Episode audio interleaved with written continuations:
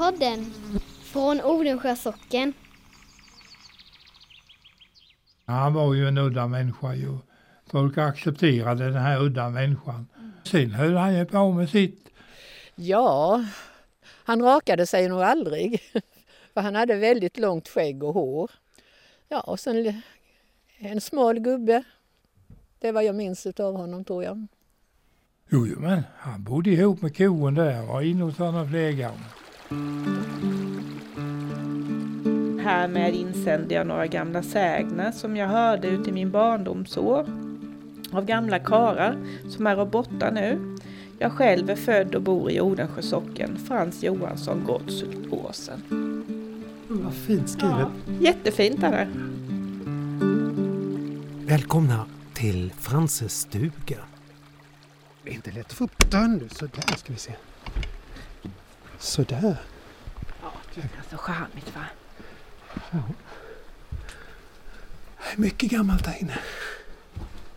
Det står till och med en massa gamla verktyg här inne under ser som ser ut som var från Hedenös tid. Men, eh, och en stor spis. Och... Och så är det tre ryggåsar här i taket. Mm. Det är inte högt i tak kan man inte säga. Men jag får huka mig. Ja. ja. Men ända upp i nocken är det i alla fall. Jag hänger en massa bilder på väggen också. Ett väldigt vackert porträtt på en man som då är... Ja, det, det är, ska vara Franse som vi ska prata om. Franse Gossut hänger här. Mycket tjusig bild. Han har mustasch, hög fot, vit skjortkrage. Kan det vara fluga eller kravatt eller något sånt där? Det är nog fluga faktiskt. Tjusigt. Och sen är det ju några mindre kort här och det är nog på byalaget tror jag. Mm. Faktiskt. Idag är vi alltså i en liten röd stuga under tallarna vid en bäck nära byn Gosshult i Odensjö socken i Småland. För idag ska det handla om just Franse i Gosshult, han på väggen där. En man omgiven av berättelser.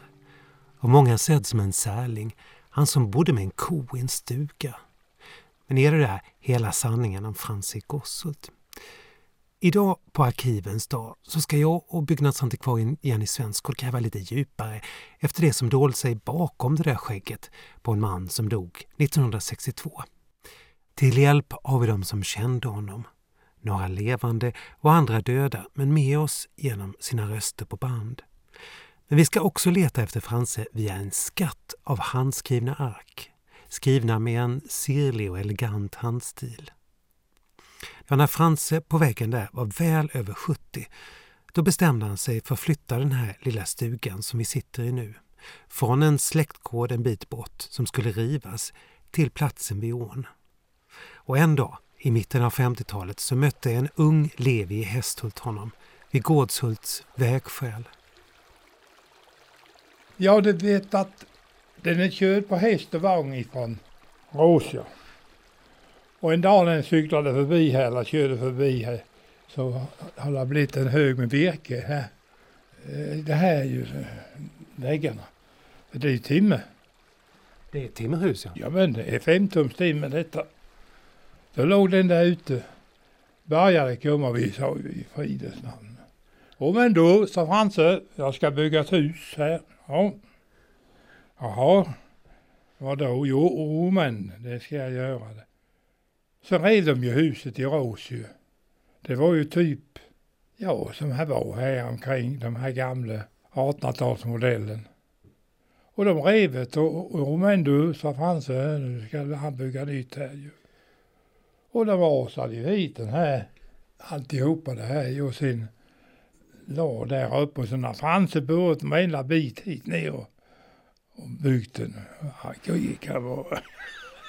Han gick bara själv alltså? Ja, här var ju ingen som hjälpte honom. Han var själv här alltihopa. Frans bodde ensam här uppe? Han bodde där uppe, där uppe i den, i där uppe i ladugården. Hur gammal var du då ungefär tror du? var ju någon gång mitten på 50-talet. Hur gammal var du då? 20 år, jag hade ju körkort. Vad tänkte du när du såg honom bära de här Nej, stora stockarna? Du stannade ju och pratade om ändå. Nu ska jag bygga hus. Ja. Så ska vi ha fest här, det var ju det jag var ute efter. Och här var ju fest många gånger. Men han byggde det här huset alldeles själv. Han gjorde. Det där hade han mycket jobb med det där. Eldstaden pekar du på Ja. nu. Mm. Han byggde spisen själv Jaha, också. Mm. Men att han var ju gammal, förstår du. Att han åkade med det och, och fick ihop det. Och, det var jobb med det. Hur gammal var han då tror du ungefär? Han var väl ungefär 70 år ungefär och efter över på det. Han måste ha varit över 70 år. Där han bodde han ihop med kon där uppe. Ja, hur bodde han själv? För det här var ju inte hans Nej, bostad. var, han bodde i det huset där. Ja, Det var ju på åkerställe där uppe som man var kunnig på. Det var en undantagsstuga till Gåshult. Och sen höll han ju på att såga. Han hade ju sågverk ju. Som han körde runt med och sågade på många ställen. Han hade i, skogen där hemma. Ner mot den stora vägen. Där nere i skogen. Där stod sågverket. Det var ju som jag minns en massa spån som innan det ruttnade ner. Så han flyttade runt i skogarna, det där sågverket. Hur skulle man beskriva Franse på den där tiden? Om du såg honom här, hur såg han ut? Hur, vad, var det för, vad var det för en man? Ja, han var lite halvkrokig, sli- uppsliten gubbe. En väldans udda människa ju. På vilket sätt då? Och på det viset du. Det sa allt ju. Så visst, det sa det allt om Franse. Men han har slitit och jobbat som bara den. Stackars Franse gick där med så. fy fan. Usch, vilken jävla massa jobb. Som han hade slitit. Och höll ju på. Det var inte så jävla enkelt att få ihop en sån här kåk. Förstår ni själv. När man kommer in här i hallen, det här huset har ju stått tomt i många år nu, men när man kommer in i hallen så är det en massa gamla verktyg som står där, riktigt gamla verktyg. Vad Tror du de kommer, kan det vara hans eller? Han sa jajamän. Det är Franses verktyg alltså? Jajamän, det är det. Jajamän, det är det. Sen det här virket i taket det här. Det har jag släppt till och sågat och det gjorde vi senare. Fast det var ju väggarna var ju timmerväggar. Sen fixade vi det här ju, byalaget. Vägg- Klädseln på väggarna och takklädseln. Och. Men det har vi huggit och Ja, det är fina gamla blankor i taket alltså. Det här, det är ju, hugg jag, hugg jag hemma det där förut och sen med vem, vem som hyvlade. Det var nog Arne Röset som hyvlade. Så det var.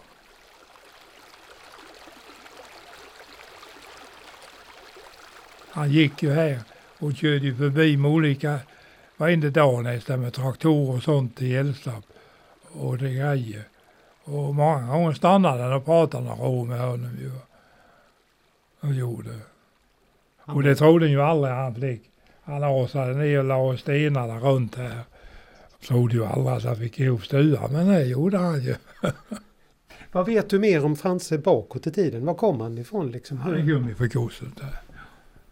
Men eh, jag vet inte alls. Han sa ju aldrig någonting. Det var ju ingen som pratade om Frans i godset. Grinade åt honom. Och på det viset. Man skrattade åt honom alltså? Han fick vara där. Han var ju en udda människa ju. Folk accepterade den här udda människan. Så det var ju ingen, ingen. Och sen höll han ju på med sitt. Han hade ju sågverk i många herrans år. Och jag vet nu inte vilka som jobbade hos honom. Men han hade ju alltid folk i många herrans år. Men här ute på en skylt så står det att det här huset är skänkt till byalagen här i trakten. ja. Av Frans Johansson i Gosshult. Ja, ja, men han skänkte det ju till byalaget. Oh ja, det gjorde han i ett tidigt stadium. Ja, jag, jag funderar på eh, vad hade ni för fester här? Jag har Ja, hört ja, ja, någonting om sik har jag hört. Stekt småsik. Ja, ja men det hade vi på hösten. Ja, det, ja, ja, men, det gjorde vi. Ja, ja, men. Ja, i den här stugan så har det blivit fest många gånger och ett tag blev festerna så himla populära att det höll på att gå helt åt pipsvängen, eller hur? Ja, precis. Men vi återkommer till det. En som ofta satt här i stugan när byalagen samlades till kalas, det är Ingrid i Gosshult. Granne till Frances barndomshem dit Frances föräldrar August och hans fru en gång flyttade. Och vi tänkte bjuda in henne och berätta trots att hon dog för många år sedan. Så vi låter henne ta plats här i Frances stuga och berätta. Och för att kunna hänga med i det här så måste du veta att Ingrid i Gosshult flyttade alltså till Gosshult när hon gifte sig med Gunnar. Och Gunnar han hade växt upp i Gosshult på det här stället med sin mormor Anna och sin moster Daga. Som ogift hade då stannat kvar och tagit hand om mamma och Gunnar när han växte upp. Och så här berättar Ingrid. Det var ett gammalt litet hus som stod på den gården där i Rås tror jag det var deras eh, som de bodde i förr. Och sen flyttade de hit till Gosshult då i början på 1880-talet. Mm. Och nu så har jag läst här i Rolfs bok att troligtvis så var Frans äldsta barnet 1882 skulle Frans vara född här i Gosshult. Och sen hade han två systrar. Gerda och Frida. Mm. Men så det där som vi har fått för oss att, att, han, att han själv var född i den lilla stugan som han då flyttade hit, virket och började bygga upp, det var ju fel. Men antagligen var det någon av hans föräldrar som hade varit född i den stugan. Så att, och den stod på gården där de hade bott innan, någon utav dem. Du, om man skulle beskriva honom? Han var en eh, ja, fantastisk människa på något vis. Han var lång och smal och som jag minns honom mm, mager. Jag kände ju inte Frans så mycket förrän jag flyttade hit 1952. Jag visste ju vem han var naturligtvis, men, men inte så att jag mm, någonsin hade pratat med honom. Men då var han ju redan gammal och bodde, eh, bodde nere i den här lilla stugan. Inte den där lilla, lilla nere utan i det andra huset som de alltid hade bott i. Det hade varit hans hem. För när Frida och Adolf gifte sig och köpte detta huset, ja det gula huset nu här, eller gården, så byggde de eh, det här eh, lilla långa avlånga stugan till undantag till, till August, Fridas far, om hennes mamma var död. Men Frans, han var ju alltid ungkarl och hade detta som sitt hem hos August där i det huset. Sen så var han, bodde han ju inte här jämt för han var sågmästare. Och det innebar ju att han var borta kanske flera eh, månader, flera veckor eller det vet jag inte hur länge men på olika ställen och arbetade på sågverk då och då bodde han ju klart där han arbetade. Men han hade detta som sitt hem och sen dog ju August och sen eh, övertog Frans det huset. Och det var ju så att i början hade de en ko där i den ena änden på huset. Alla människor skulle ju ha en ko på den tiden. Det var ju ett sätt att överleva. Men som jag säger, jag vet ju inte så mycket om det. För så länge jag inte hade flyttat hit till Gosshult så kände jag ju inte Frans så mycket. Man visste ju att det var Franses i Gosshult, det huset, men mm. det var inte mycket mer. Men sen började jag ju bli bekant med honom. Och då var han ja, man ska ju säga så här, att han utmärkte sig inte för någon renlighet. Men det var så här alltså, att vi i byn då, det var ju överallt så gick man ihop och drack kaffe vid jultiden. Och han bjöd en gång på kaffe som jag var med om. Men då hade ju Daga fått hjälpa honom att städa av lite grann och så köpte han ju en massa kakor. Men jag vet att jag, när vi skulle bjuda de byboarna på kaffe så var det ett par gånger så skulle jag gå in och, och prata med Frans.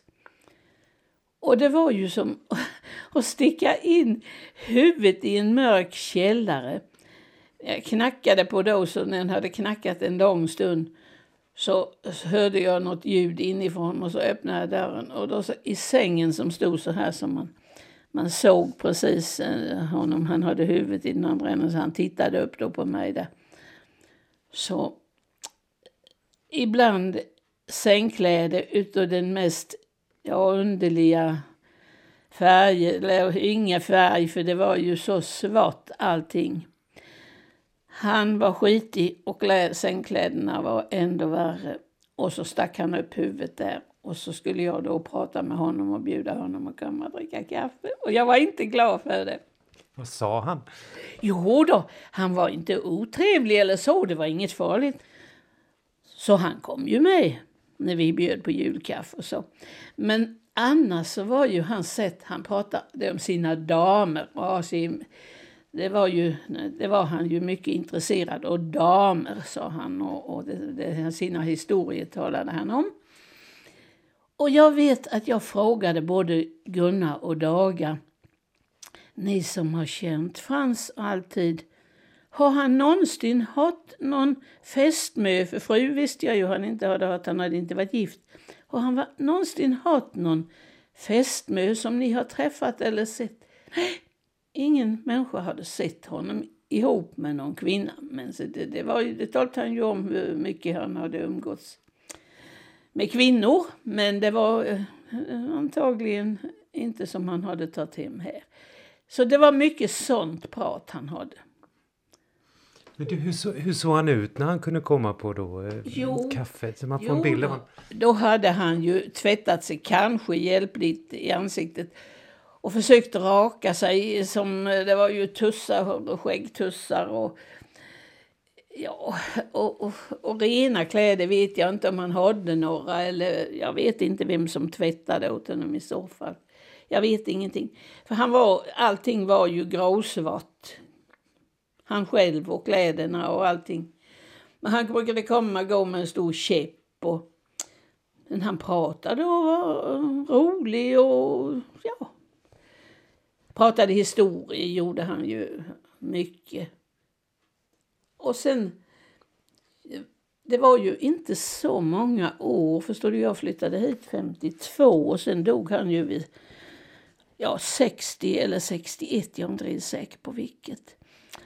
Men då så eh, började han ju de sista åren, då hade han ju varit och, hämtat virke till den här lilla stugan som man, hade, som man började bygga nere vid vägen. Och sen så, när han då var pensionär så tyckte han väl det blev trist och inte ha något att göra, så han började ju att bygga på den stugan. Men han blev ju tröttare klart med åren, så sen orkade han inte mer. Och det var då han sa att byalaget ska få stugan på villkor att de bygger den färdig. Men han blev ju sämre och sämre och låg ju mest... Jag vet inte vem som handlade åt honom och så. För så länge han orkade något så hade han ju en cykel. Och jag vet aldrig om jag såg honom cykla egentligen, men han gick jämte cykeln och stöttade sig på den. Men det var ju klart när han var gammal han inte orkade cykla för då blir man ju yr i huvudet och kan inte cykla. Men eh, Daga var väl där någon gång och hjälpte honom lite, kanske att städa av något. Och, och så som jag ser när, hon ska, när han skulle bjuda på kaffe. Och då gick vi ju dit. Och jag vet, vi hade ungarna med där nere. Ett par av dem var ju födda klart i alla fall. Och det var ju, ja, hela den här stugan, ja det går inte att beskriva för det var ju igengrott allting. Allting var ju smutsigt så att man såg ju inte hur det hade sett ut från början. Hur gick det med kalaset då som han höll där nere? Jo då, vi var där och Daga kokade väl kaffet åt honom och hjälpte till och diska kaffekoppar så att vi kunde våga dricka kaffe i dem och så.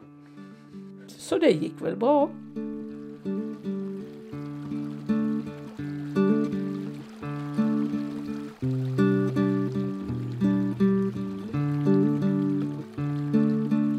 Ja, det var Ingrid Gossult det som berättade om Franse, som hon i stort sett var granne med hans, hans sista år. Men du, det här är ju ett speciellt hus, Frances hus, där han bodde. Alltså inte den här lilla stugan som han byggde senare i livet, men hans riktiga bostadshus. Ja, det är ju jättespeciellt. Alltså jag har inte sett något liknande på när jag har varit ute och inventerat i de här trakterna och så. För jag har ju ändå varit på varenda ställe och, och fotat och beskrivit. Ja. Och det här är ju ett jättespeciellt hus för att han har ju byggt ihop huset med ladugården. Så det är en länga. Och i ena änden så är det själva bostadsdelen och från vardagsrummet så går det en dörr rakt ner i ladugården. Och den var kanske inte alltid stängd kan man ju tänka sig. Det kanske den inte var. Jag menar det är klart, man kan ju nästan tänka sig, det måste ju gett lite värme och, och det var ju klart lite sådär, eh, kanske lite mysigt att höra de där Billy Björk här från trakten, han gör ju kartläggningar av byar runt om i trakten. Ja, det handlar ju om att han berättar om det han kan hitta fotografier på. Så långt tillbaka i tiden går han. Och eh, det är ju fa- fantastiskt vad det finns. Och då har han hittat en artikel som Torsten Jönsson, han jobbade ju på Smålänningen, har skrivit. Han var ju intresserad av gammalt och, och eh, traditioner och sådär. Det var på den tiden det fanns en reporter så att säga nästan i varje by som täckte allt. Så här berättade om allt som hände. Ja, precis. Stuga och ladugård sammanbyggda. Märklig torpbyggnad vid Odensjö. Från juni 72 är det där. Ja. Vad, vad skriver de då? I Gosshult i Odensjö socken fann Smålänningens medarbetare en sådan byggnad och den tillhörde på sin tid Frans Johansson som egenhändigt uppfört densamma. Han hade byggt stugan i sin ungdom och också egenhändigt sågat virke till densamma. Ett par rum och kök i byggnadens ena del utgjorde bostad och sen fanns det loge, snickarbord och lagård jämte foderutrymmen i den andra. Det blev emellertid aldrig av att Frans skaffade sig några egna kor. Men däremot så hade han en granne som hade får och kor i hans ladugård. Och för hyra och foder så fick Frans en del av djurens avkastning, exempelvis den mjölk han behövde till hushållet. Själv arbetade Frans huvudsakligen i skogarna eller vid sågverk i bygden. Förbi torpet så rinner Lagerbergsån med Hästhults gamla kvarn och såg, vilka vårdas av Odensjö hembygdsförening och Hästhult, Gosshult, Skrinhult, Hult och Loftsgårds byalag. Frans Johansson var en hängiven hembygdsvän som gladde sig åt att ett stycke gammal kultur kunde bevaras på denna plats. För att ytterligare knyta intresse till den gamla kvarn och sågplatsen byggde han ännu en liten stuga på en mindre udde i ån och skänkte den till nämnda byalag.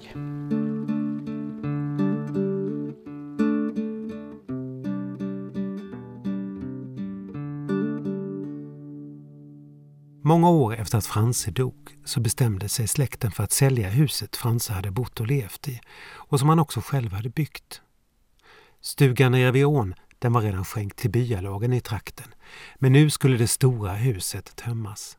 Containern var framställd och den dagen var också Inge där.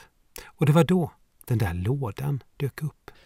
Jag heter Inge Johansson och min mamma är född i Gosshult. Och eh, min mormor heter Frida då och Frida och Franse var syskon. Så du är hyfsat nära släkt. Ja, det kan man säga. Vad kallade du Franse när du växte upp? Mamma sa ju alltid morbror Franse så vi sa nog morbror Franse också. Eftersom eh, min far dog 51 så var vi mycket hemma hos mormor i Gosshult. Och då blev det ju så att vi gick ju fram och hälsade på Franse. För han bjöd alltid på godis när vi kom dit. Jag har ett minne av, jag kanske var en 8-10 år.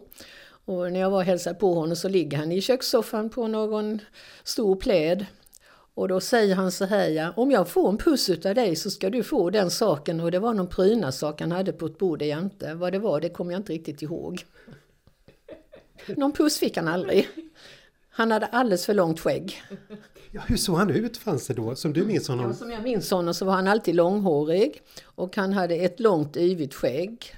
Det verkade som han aldrig rakade sig. Men du, du har framför dig en låda här. Vad är det här för låda egentligen? Berätta om hur du fick tag i den.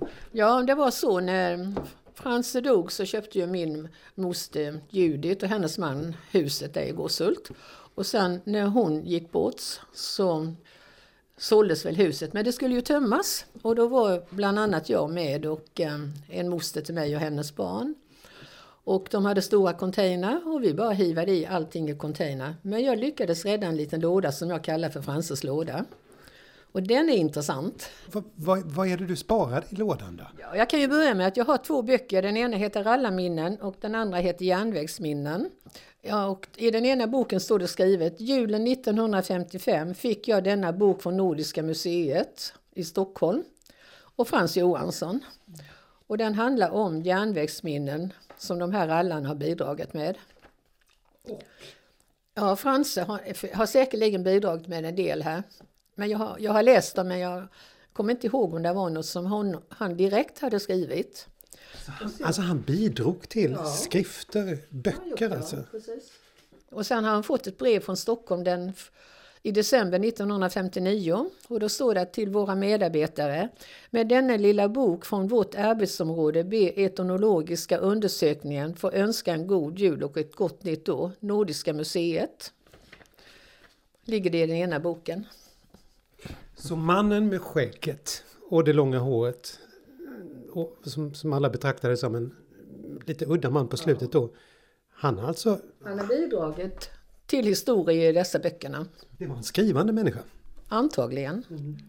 Det var han. Han var en skrivande människa och han måste, jag undrar när han upptäckte det här att man kunde skicka in sådana här, svara på frågor som det var ju olika etnologiska institutioner som, och mm. museer som skickade ut sådana ja. där frågeformulär.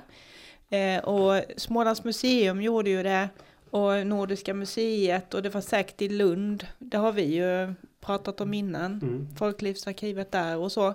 Men jag, och jag har ju en del papper som är från som jag har fått från Smålands museum tagit kopior på. Men Franse går ut skriver alltså och berättar ja. om saker? Och han skriver så himla väl. Han skriver fin svenska och han har en jättefin skrivstil som är himla lätt att läsa idag med. I alla väldigt vackert skrivet. Ja. 1800-talsmänniskor som en annan som kan läsa skrivstil. Men eh, nej, och det, det är jätte... Och det är ju också såna här, han skriver här med insänder jag några gamla sägner som jag hörde ut i min barndomsår av gamla karar som är borta nu. Jag själv är född och bor i Odensjö socken. Frans Johansson, Gårdshultåsen. Vad fint skrivet! Ja, jättefint är det. Vi ska få höra faktiskt några av hans berättelser ja. som du ska berätta för oss om en liten stund. Här med den här lådan alltså. Va, ja, vad har du med i lådan? Här? En stor anteckningsbok och den handlar väl om var han har varit och jobbat och då står det Albert Landberg Hyggning Levin Landberg Hyggning och då står det ju varje månad, februari månad och mars månad, april månad. Det är när han är ute eh, ja. och sågar alltså? Eh, han hade nog något såg som han åkte omkring med. Och vad jag har sett så har han varit mycket i Västergötland, i Fritsla. Och det står beskrivet här vilka som han har varit och huggt hos och hur mycket de har betalat. Mycket prydligt och välskrivet. Ja, och... Ja, sen rätt vad det så kommer det in en sån här gammal historia eller anekdot eller vad man ska kalla det för. Va? vad säger du? Det är lite svårt att läsa men Eh, alltså, han har skrivit historier i ja, den här räkenskapen. bland dessa anteckningar över vad han har gjort och vad han har betalat och vad han har fått i betalning.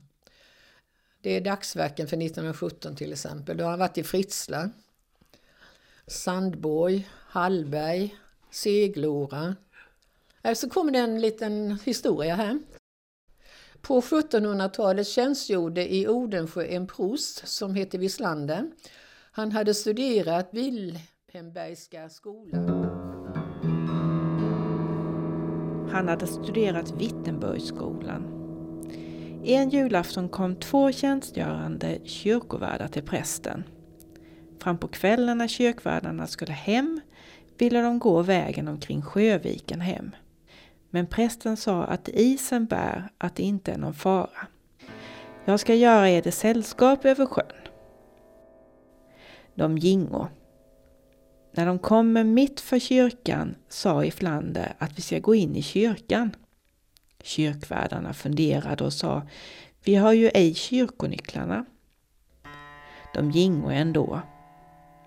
När de kom till sakristiadörren blåste prästen tre gånger i nyckelhålet. Då öppnades dörren och blev samtidigt ljust i kyrkan. Men de såg inga ljus att brinna. Prästen gick in på altaret, kyrkovärdarna in i sin stol. Så tyckte kyrkovärdarna att vapenhusdörren öppnades samt tycktes höra ett rammel, samma som man drager järnkättingar efter sig. Det går gången fram till altaret, stannar där. Prästen börjar att läsa och bedja, men kyrkovärdarna förstod ej vad han sa. När Iflander slutat att läsa vänder det om samma rammel samt går gången tillbaka ut genom vapenhusets dörr. Den öppnas och stänges av sig själv. Kyrkovärdarna såg ej något. När de var utkomna frågade de i Flander vad det var. Han svarade dem att det var en som ville komma in i himmelriket, som var bunden med järnkättingar.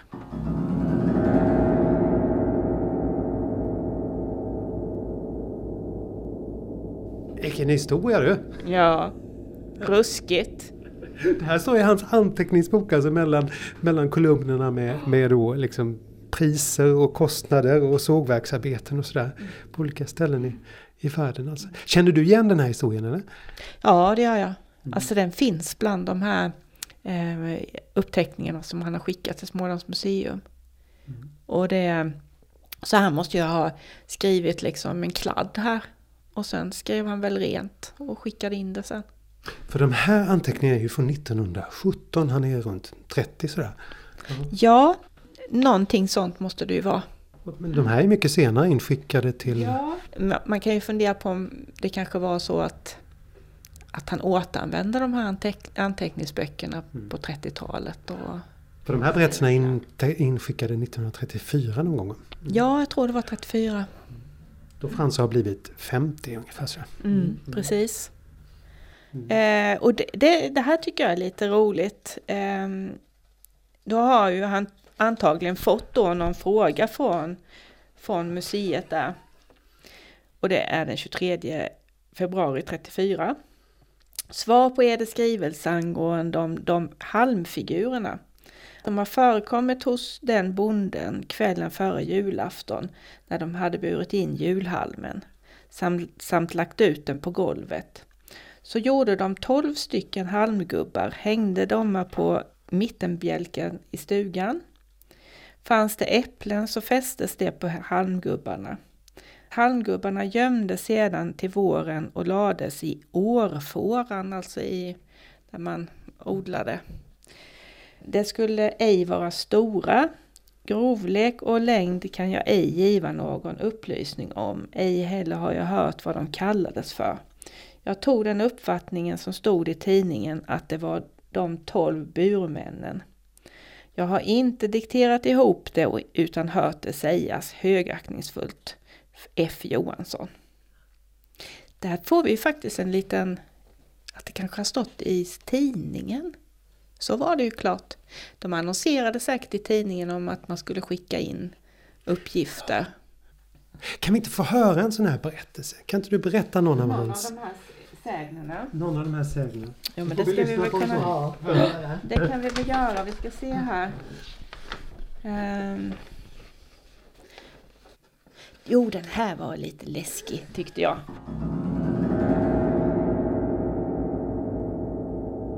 Är det någon som vet Gravejöl? Den lär ju finnas uppe någonstans. Tror jag åt Skrinhultshållet till någonstans. Grave Jöl. Uh, ja. Två fiskare gingo till en liten sjöhåla och meta som kallas Gravjöl. När de hade lagt ut sina meten så skriker det ut i hålan. Mäter du mina väggar ska jag mäta dina lägger.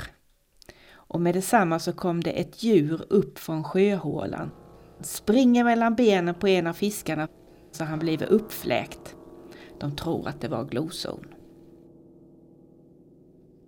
Gloszon. Mm, gloson, det var ju en grisliknande djur som hade liksom som rakbladsvassa taggar på ryggen. Det vill man inte ha mellan benen. Så, b- typ på lucianatten och julnatten då ska man gå med benen i kors. För annars kan man råka ut för en sån. Ja. En annan gång senare var det fiskare igen för att meta. Som de stod på stranden så fick de se en stor vattenbubbla mitt i sjön. När den var försvunnen så låg det en stor vit häst och sam. Sedan en gång var det fiskare igen för att meta och de såg en gädda så stor med en videbuske på huvudet att de blev rädda och gingo därifrån. Än i denna dag så finns det något ute i denna sjöhålan. Gravöl. Spännande va? Da, da, da, da, da. Men sen har jag sett att han på ett annat ställe så pratar han om den här eh, gloson då. Ja. Och då förklarar han det med att eh, förr i tiden då så lät de grisarna gå ut och äta bokollon. Och eh, sen på hösten skulle de ta in dem. Och då var det ju inte säkert att alla grisar var så tama utan då kunde det bli någon gris som var lite vild och inte vill följa med. Och när den då låg och rullade sig i, i smuts och sånt där så trodde nog folk att det var en gloso. När den smög omkring sen. När de inte fick ut den, den där vildgrisen. Men taggarna på ryggen då? Ja, ja. Han kanske tyckte det var lite läskigt så han försökte komma på någon sån där bra förklaring. Ja, Men det, håll på dig känner jag att det är budskapet här. Vad är det här för något? Ja, det står noteringar på ett gammalt häfte. Det blir jag knappt klok på vad det är för någonting. Men där, han har antagligen varit hos några och sågat. Hos någon som heter Gunnar Hansson. Gästgivaren i Sken han varit hos. Vad har du med här? Du, för du har anteckningsböcker också. Vad är det här? Eh, Det är en almanacka och där står lite recept på lite sådana här konstiga medicament. Medel mot värk till exempel. Det är bra med damolja, eller ja, fiskolja, johannesolja, spikolja, linolja, enolja och stålspika. Det är medel mot värk. Han har antecknat mycket noga i kalendern. ja vad roligt. Nej, och i denna almanackan som är sedan 1908. Eh, jag har förstått när jag tittar i den att han var nog rätt så glad i fruntimmer. Varför, hur vet du det då? Eh, här står väldigt många kvinnonamn som man har skrivit upp här. De har fått skriva sitt namn den dagen de fyller år till exempel. Agnes Bäckström, född 1897. Tora Johansson, född 1836. Gerda Johansson 1884, det är ju hans syster. Som var gift i Bolmen med Aron. En födelsedagsbok helt enkelt. Men det tyder ju ändå på att han var intresserad av eh, att liksom ha ett socialt Ja. liv. Ja. Ja, han verkade ha ett väldigt rikt socialt liv får man ju säga. Alltså många som han kände. Ja. Och ändå bodde han ensam sen. I slutet, ja. Ja. Frans var aldrig gift eller... eh, Nej. nej. Apropå den frågan just. Alltså den här lådan berättar ju en annan historia om Frans än vi är vana att höra. Vad tänker du, vad var det här för en man? Ja, när jag tittar i den här lådan så börjar jag ju få mina funderingar och eh, få en helt annan känsla.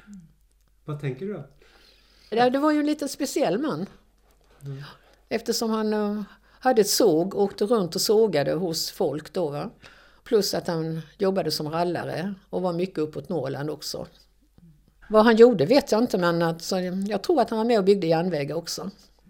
Uppåt Norrland. Han är uppenbarligen inte ointresserad av damerna här men han blir aldrig gift. Alltså. Nej, inte vad jag vet om. Inte att han har varit förlovad eller haft sällskap, hörde jag aldrig talas om. Här är en cigarrlåda du plockar upp. Frances kvarlevor kapitel 2. Oj, nu finns det ett snackar vi. Jag vågar knappt röra i det. Från USA. Eh, vad står det? Pilla Charlotta Nelson. Ett brev till Frans alltså, från USA. Ja, jag vet inte, jag kan inte läsa det. Nu, nu har du ett detektivuppdrag här. Ja. Och du, här ligger det pengar. Ja, en massa pengar låg där i lådan också. Eh, Det är tyska mark. Är rubel också tror jag faktiskt. Ja. 5000 rubel. Det är fantastiskt. Det är alltså massa utländska pengar som ser ut som de var från Hedenhös tid. Hur kan de... Ja, Polska polska. mark. Man, Franse samlade på pengar. Från utlandet. Ja, det är ju häftigt. Österrikiska Finland. Här är en sedel som är utställd i Berlin den 21 april 1910. Kan du tyda det här brevet eller? Nej, Jag förstår mig ärligt talat inte riktigt på vad det är det handlar om. Det får förbli ett mysterium ja, alltså. Ja, faktiskt. Här är någonting också. Vad är detta? Eh, Stundens barn låg det en bok i också. Det är en diktsamling Stundens barn, ja. som man satt och läste. Ja. Men din mormor pratade aldrig om hur det kom sig att han inte gifte sig eller att han eh, inte fick en familj. nog, de kanske till och med skämdes lite för honom. Jag fick den uppfattningen om att eh, nej, jag kommer inte ihåg att han var med på några kalas heller när vi var hemma hos eh, mormor då. Va? Och jag har många kort då från eh, Gårdshult, min mormor, men jag kan inte hitta något där Franse med. Han var även en, lite grann en främling för sin familj. Alltså. Sen var han ju inte mycket hemma heller. Utan han var ju nästan alltid ute på resande fot. Och jobbade. Ja. Det är ju intressant det här med människor för i folkmun så lever de ju ofta kvar som en, en figur. I det här fallet då en, en särling med ett stort skägg och långt hår. Alltså, så upptäcker man en helt annan sida när man börjar titta på det. Du är fortfarande i det där brevet. Ja, ja, det är så konstigt. så Jag... Tröttnar du vid att läsa brevet så bed hästhultarna hjälpa dig. Kan ni hjälpa mig? ja, det, det är lite religiöst och det är, men det är också Ja, nej jag förstår mig inte på det riktigt. Jag tror att det är för att det är ett brev. Det är nog ett blad som saknas också. Men det är ju häftigt med sådana här helt ett gulnat om, eh, ja, om det nu har varit brunt bläck, det tror jag inte, utan det har ju säkert också ändrats med tiden. Men du, om vi, om vi försöker ta oss tillbaks till, till den här Franse bakom skägget då som uppenbarligen finns där. Eh, eh, vad, vad, vad kan du se? För du har ju sett mycket han har skrivit ner och skickat in. Ja, alltså jag tycker ju han skriver så fint. Alltså han skriver, han har ju så väl svenska och, och fin handstil och, och jag menar om han nu då har till och med ansträngt sig med att skriva först en, en kladd och sen skriva rent det på fint papper och lämnat in och sådär. Det är ju, det är ju rätt häftigt egentligen tycker jag. Det är ju en, en på sätt och vis en, en bildad person så kan man säga. Och han måste ju varit med om väldigt mycket. 1917 verkar nästan som att han har gjort, eh, alltså, eh, varit värnpliktig eller någonting. Alltså det militära, för där är det mycket sånt. Med olika befälhavare och grejer och sådär. Det var ju under kriget. Ja, det var det ju. Men sen var, står det så här under juni 1917. Jag kan väl aldrig glömma den sköna midsommardag då du så öm och oskuld invid min sida satt. Undrar vem det var. Ja. Nu är det kärlek på gång alltså. Där var det kärlek. 1917. Men så finns det också här och någonstans ska vi se. Han är lite så här 32-33 där alltså. Alvesta nummer 6, på vakt nummer 100. Tre man. Postbefälhavaren visiterade posten förliden gårdag klockan fyra. Mot ho- hosta, en äggula, en halv matsked fast smör, två matskedar honung samt någon droppe terpentin. Terpentin! Härav tages en sked då och då.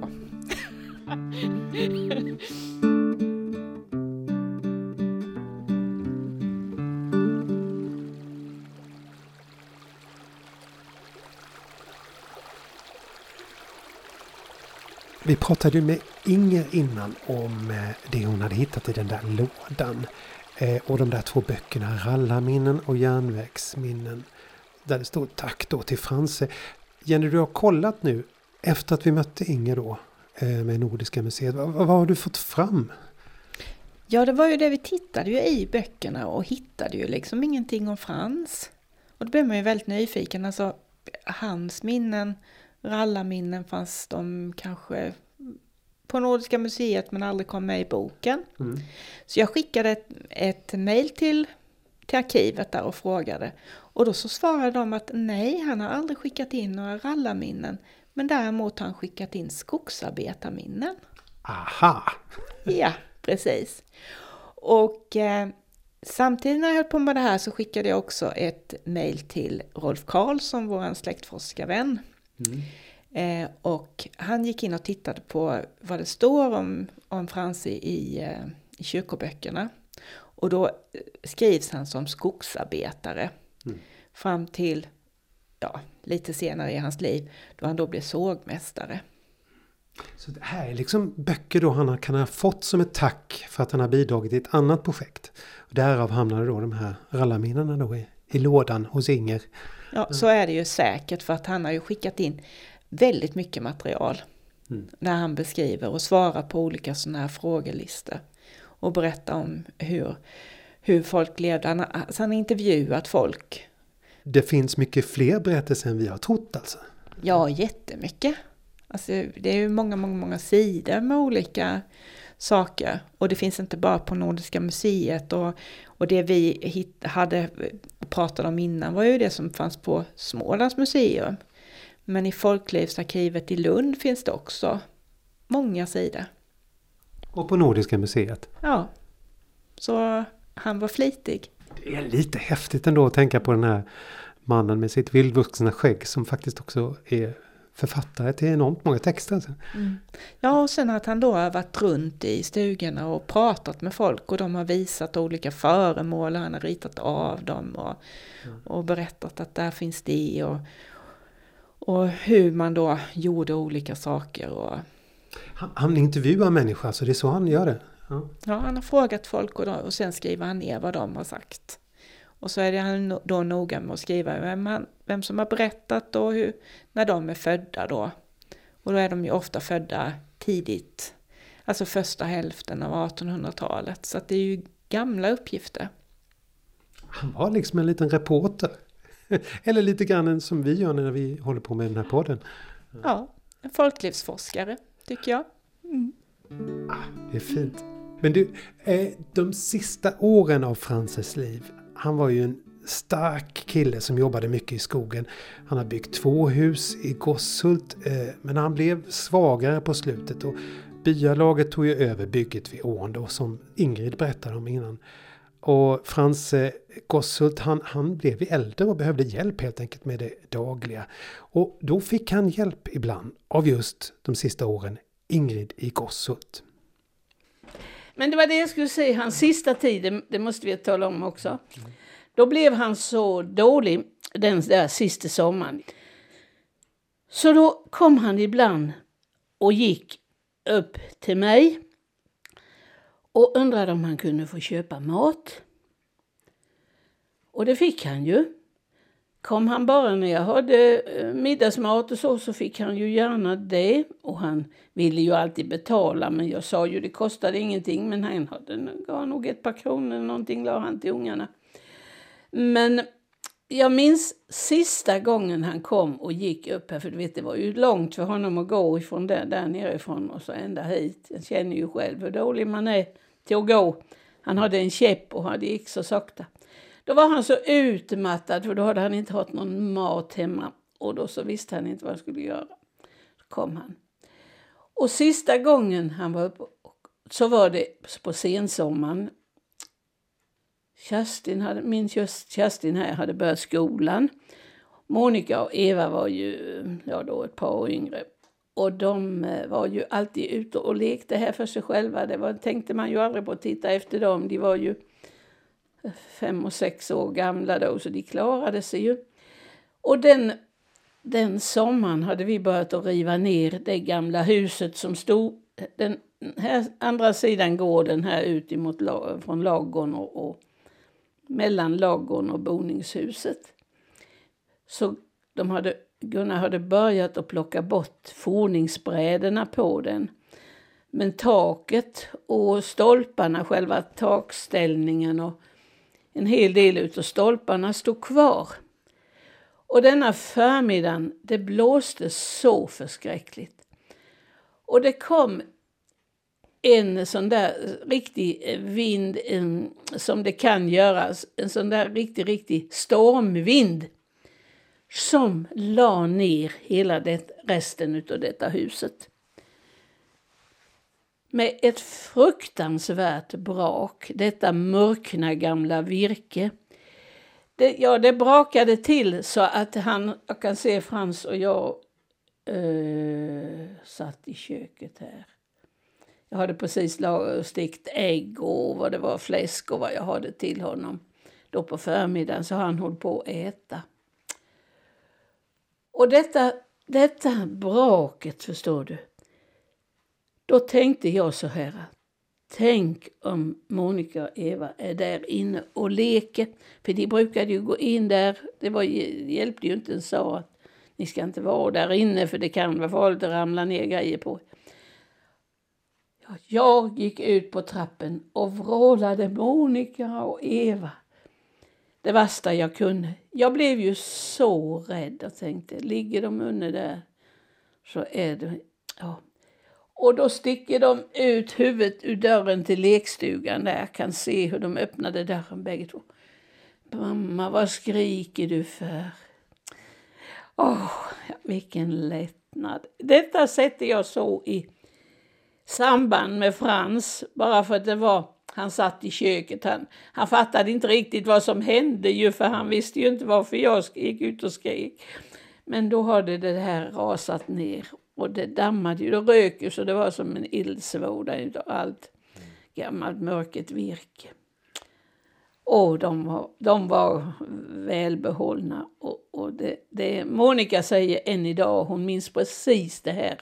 De hörde att det brakade till och tittade ut precis när det brakade. Och sen så gick det ju då någon minut så kom jag ut och skrek så tittade de ut. och Fransen fick sin mat och han orkade ju knappt att äta, så trött var han. Så sen bodde han inte hemma så många dagar till. Sen kom hon till ålderdomshemmet. Björkäng fanns ju då. Han bodde på Björkäng eh, några månader eller hur länge det var. Och sen dog han. Han dog rätt fort när han, när han slutade här. Han dog väl rätt så fort efterpå. Han, han, han kom till ålderdomshemmet men det, det, det, han, det stämde ju inte på ett ålderdomshem med Frans. Han var ju en fri man, det gick ju inte då. Det gick skikt, han dog fort efterpå. Det när han kom till ett ålderdomshem. Det stämde inte ihop. Funkade inte.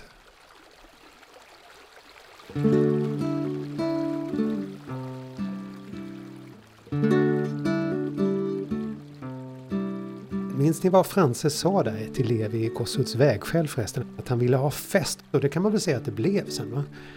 Ja, verkligen. Alltså den där stugan har nog varit med om både det ena och det andra. Ja. Den, alltså hans, hans ja. önskemål om fest, det blev uppfyllt med råge. Byalagen träffades ofta där, det har vi ju sett bilder på när de, när de kalasar på sina sikmiddagar bland annat. Ja, ja precis, det har man hört talas om. Och sen firade de ju midsommar där. Och det, alltså det blev ju stort. Ja. Man hade byggt ju upp en dansbana som låg ovanpå ån, ovanför åfåran där. Oj, ja, men. Det vill jag höra om. Låg en dansbana. Det låg den här utanför dörren här vid entrén? Jajamän, jajamän. Den här byggde jag ju, men jag vet inte hur. hur vem som kom på att vi skulle ha dansbana. Vi sågade ju upp den hemma på såget där och la en bjälke på tvära över där. Och så spikade vi dit brädorna och gjorde till staket. Och det har jag ju gjort, jag och far. Och den var inte liten. Den var riktigt stor ju. För den låg över, över ån va? Ja, över ån, ja. Jamen. Jajamän. Mm. Jag såg till en kraftig bjälke så den inte skulle ryka av. Gubbar kärringar ramlade i vann. När var det ni hade de danserna? Vilka år var det? 60-talet naturligtvis måste det ju ha varit. Det var ett stycke in på 60-talet som, som vi hade de här grejerna. Det var ju folk, idag är ju inget, idag är det ju slut i byarna med folk. Hur var det på de där danserna då? Det var inga pro- problem med det. Det var ju, Ingvar Dan- spelade ju mycket Ingvar, vem då? Hult. Ingvar i Hult spelade? Åh, han var ju, han, den stackaren, han satt och spelade dragspel. Så många nätter han har suttit och spelat dragspel, den stackars basen. Jo, han spelade ju jättebra. Han var så lättdansad så. Mycket bra spelade han. Och det var ju överallt. Det var ju här och det var ju Loadans i Loselt och i Röselt och i, överallt var det. Och här nere. Och där satt Ingvar och drog sitt dragspel. Tänk vad flitig han var. Satt tre, fyra, fem timmar på var kväll och spelade.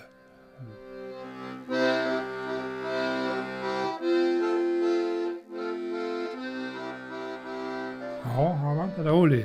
Kom det mycket folk utifrån också då eller? Det var en massa Ja, det var ju dansebanan som drog då ju när vi hade den ja.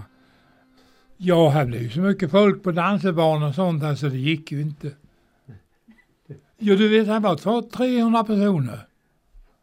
Halv, hela Tarpa och Annerstad. Det var folk långt ända ut till Vikadal med folk på vägarna. Jo, du vet, här var, ja, här var ju eh, Ja, minst, om, minst, det räcker ju inte med 200 personer.